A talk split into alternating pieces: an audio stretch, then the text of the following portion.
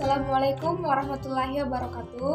Halo para pendengar setia Radio Perempuan Darurat Siaga COVID-19 di Perem FM Pulau Sabutu. Gimana nih kabarnya hari ini?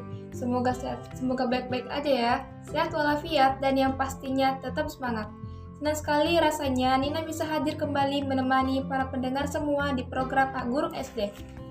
Kali ini bekerja sama dengan salah satu guru di Pulau Sabutu yaitu Pak Adit. Halo Pak, gimana kabarnya hari ini? Alhamdulillah sehat walafiat. Materi apa yang ingin Bapak bawakan untuk hari ini?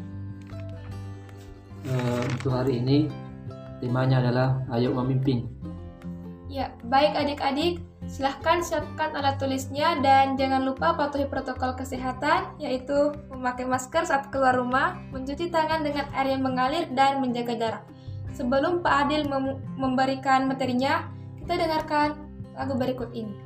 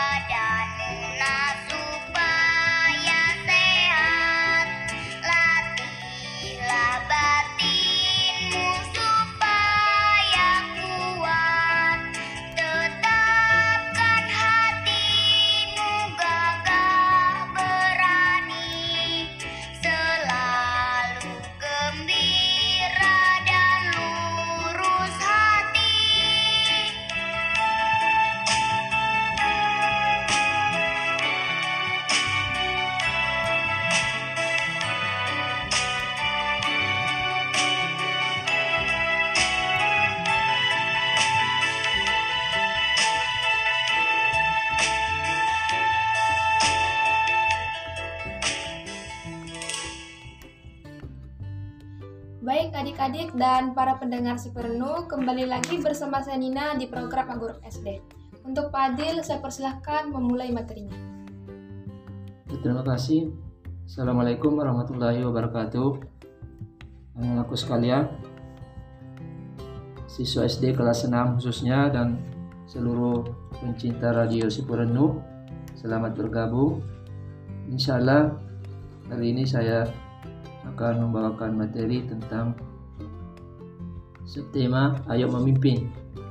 Jadi ada tiga pelajaran yang terkandung di sini. Pertama adalah PPKN, kedua bahasa Indonesia, dan yang terakhir adalah ilmu pengetahuan alam. Jadi untuk pertama PPKN di sini anak-anakku sekalian diharapkan eh, dapat mengidentifikasi nilai-nilai yang terkandung di dalam sila keempat Pancasila, yaitu keadilan sosial bagi seluruh rakyat Indonesia. Sebagaimana kita ketahui bahwa keberadaan sila keadilan sosial bagi seluruh rakyat Indonesia membuat rakyat Indonesia menyadari hak dan kewajiban yang sama dan untuk menciptakan keadilan sosial dalam kehidupan masyarakat Indonesia. Keadilan itu merupakan salah satu tujuan negara Indonesia selaku negara hukum. Penegakan keadilan membuat kehidupan warga Indonesia itu menjadi baik secara pribadi, selaku anggota masyarakat, maupun selaku warga negara menjadi aman, tentram, dan sejahtera. Upaya untuk mencapai arah tersebut ya tentu memerlukan nilai keselarasan, nilai keserasian dan keseimbangan yang menyangkut hak dan kewajiban yang dimiliki oleh seluruh warga Indonesia. Tanpa membedakan agama, tanpa membedakan suku, tanpa membedakan bahasa, dan status sosial ekonominya. Jadi adapun nilai-nilai yang tercermin dalam sila eh, keadilan sosial bagi seluruh rakyat Indonesia atau sila kelima yaitu pertama adalah eh, mengembangkan perbuatan luhur yang mencerminkan sikap dan suasana kekeluargaan dan kegotong royongan. Yang pertama. Kemudian yang kedua adalah mengembangkan sikap adil terhadap sesama. Ketiga, menjaga keseimbangan antara hak dan kewajiban Kemudian yang keempat, menghormati hak orang lain. Yang kelima, suka memberikan pertolongan kepada orang lain agar dapat berdiri sendiri.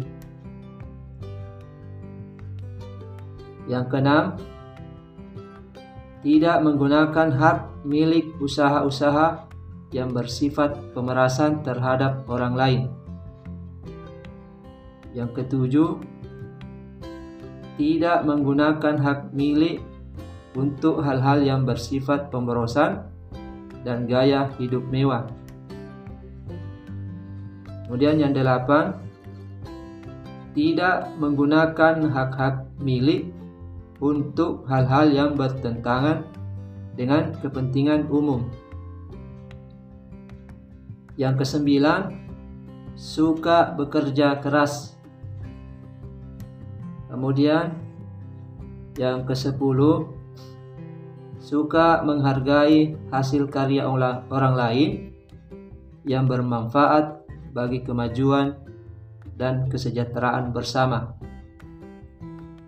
Kemudian yang ke-11 suka melakukan kegiatan di dalam rangka mewujudkan kemajuan yang merata dan berkeadilan. Jadi inilah nilai-nilai yang tercermin dalam sila kelima keadilan sosial bagi seluruh rakyat Indonesia. E, sebenarnya nilai yang terkandung di dalam sila keadilan sosial bagi seluruh rakyat Indonesia ini itu didasari dan dijiwai oleh sila pertama ketuhanan yang Maha Esa, kemudian sila kedua kemanusiaan yang adil dan beradab. Sila ketiga, persatuan Indonesia serta kerakyatan yang dipimpin oleh hikmat kebijaksanaan dalam permusyawaratan perwakilan. Jadi sebenarnya sila kelima tersebut ini mengandung nilai yang merupakan tujuan dari negara sebagai tujuan dalam hidup bersama. Makna di dalam sila kelima itu terkandung nilai keadilan yang harus terwujud di dalam kehidupan bersama atau kehidupan sosial.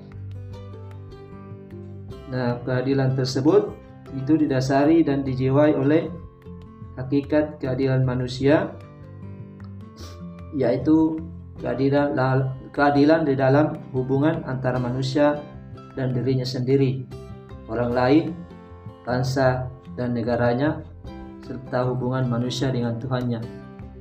Ya, saya kira itu untuk PPKE nilai-nilai keadilan sosial bagi seluruh rakyat Indonesia. Baik adik-adik, itulah tadi beberapa penjelasan tentang sila keadilan sosial bagi seluruh rakyat Indonesia.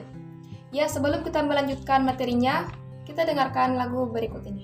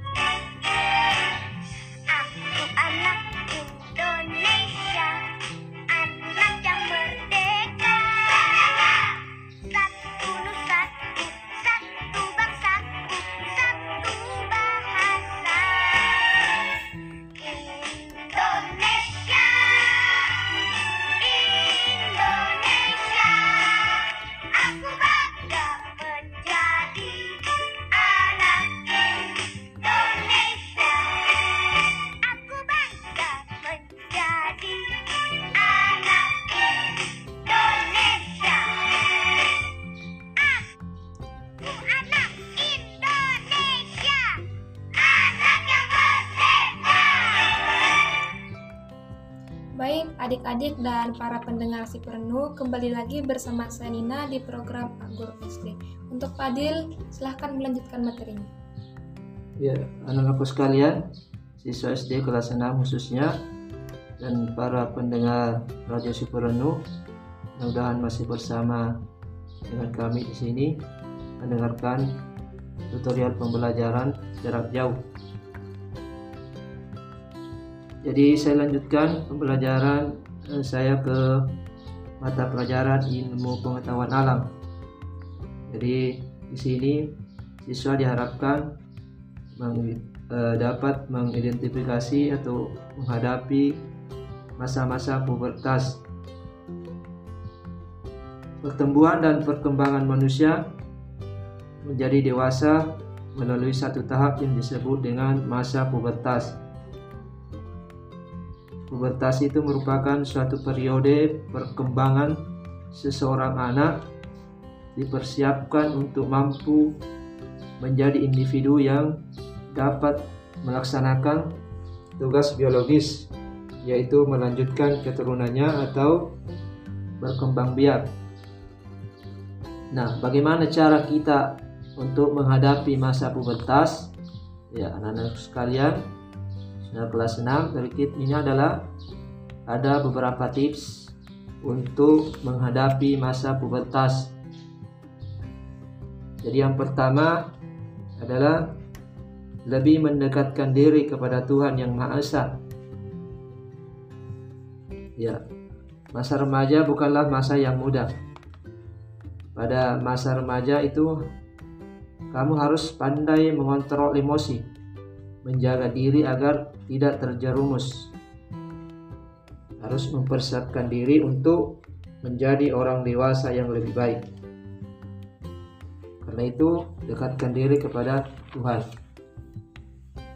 Yang kedua, eh, mencari informasi tentang pubertas.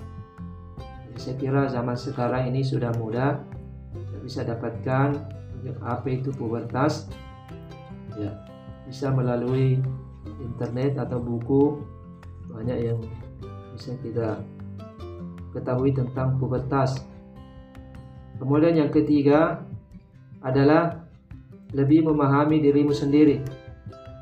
Ya, pada masa pubertas, kamu harus mulai peduli dengan dirimu sendiri. Harus mengenali setiap perubahan yang kamu alami. Yang keempat, e, bersikap percaya diri. Ya, ini sikap yang patut kita kembangkan. Bila kita merasa tidak percaya diri pada seseorang atau bahkan pada diri sendiri, itu akan bermasalah pada kegiatan sosial. Jadi harus pede. Kemudian yang kelima, harus dekat dengan orang tua. Ya. Jangan malu untuk berkonsultasi dengan orang tua. Ya. Diskusikan segala perubahan yang kamu alami kepada orang tuamu. Karena orang tuamu tentu paham akan kondisimu sehingga orang tua bisa membimbing untuk menjadi remaja yang berkualitas. Kemudian yang keenam, jangan takut. Jadi tidak ada rasa takut dan jangan malu terhadap setiap perubahan fisik yang kamu alami. Ya memang masa pubertas setiap orang itu waktunya tidak sama. Ada yang cepat, ada yang terlambat. Tapi jika kamu mengalami pubertas lebih cepat, dari teman-temanmu, jangan malu dan jangan takut. Kemudian yang ketujuh adalah selektif dalam pergaulan. Ya, ini perlu juga. Pada masa ini kamu akan lebih sering menghabiskan waktu dengan teman-teman sebaya. Karena itu, teman sebaya amat mempengaruhi perkembangan diri kamu. Ya, jika kamu memilih teman yang baik, kamu juga akan menjadi lebih baik. Begitupun sebaliknya. Jadi bertemanlah dengan teman yang kira-kira memberikan pengaruh yang baik. Yang sampai terperangkap dalam pergaulan yang tidak baik dan nantinya dapat menjerumuskan ke hal yang buruk. Kemudian yang delapan, ini tidak apa juga sangat penting yaitu menjaga kebersihan dan kesehatan tubuh. Ya, selalu menjaga kebersihan tubuh karena masa puber itu akan membuat kelenjar keringatmu lebih aktif dan dapat menyebabkan bau badan. Ketahuilah bahwa kulitmu akan mengalami perubahan yang dipengaruhi oleh perubahan hormonal seperti jerawat atau mungkin kulit menjadi kering. Jadi cuci wajah setidaknya dua kali setiap hari. Kemudian menjaga kebersihan diri tentu sangat penting bukan hanya perempuan kami juga laki-laki. Dan selain itu, kamu harus makan makanan yang bergizi dan rajin berolahraga. Nah, ini adalah eh, cara menghadapi pubertas untuk anak-anakku sekalian. Jadi sebelum mengalami ini, Anda bisa pelajari bagaimana cara menghadapi masa pubertas. Ya, saya kira demikian untuk IPA.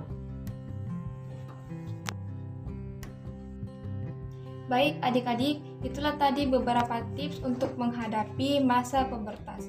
Sebelum kita melanjutkan materinya, kita dengarkan lagu berikut ini.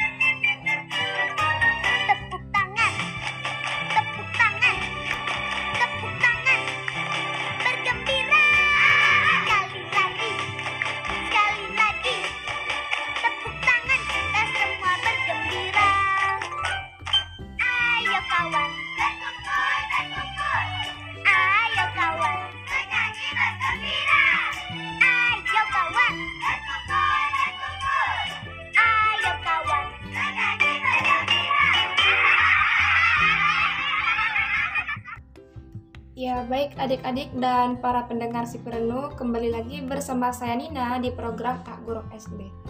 Baik Pak, silahkan melanjutkan materinya. Ya, baiklah. Untuk hari ini yang terakhir adalah pokok bahasan bahasa Indonesia tentang uh, bagaimana kita sebelum berpidato harus mengetahui kriteria. Jadi kita harus persiapkan betul-betul eh, apa kriteria eh, di dalam berpidato supaya eh, pidatonya itu bagus dan bermakna. Jadi pidato yang baik itu memerlukan beberapa kriteria. Eh, antara lain, pertama adalah isi pidato yang akan disampaikan itu harus memiliki kesesuai, kesesuaian dengan kegiatan atau acara yang berlangsung.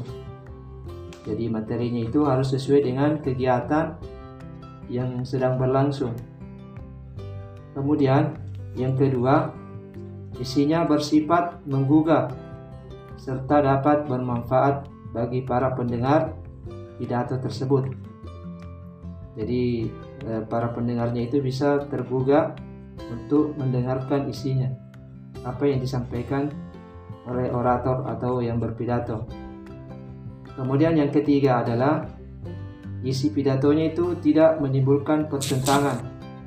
Jadi jangan ada unsur-unsur yang bisa menuju ke eh, namanya pertentangan. Kemudian yang keempat, isinya benar, objektif dan jelas.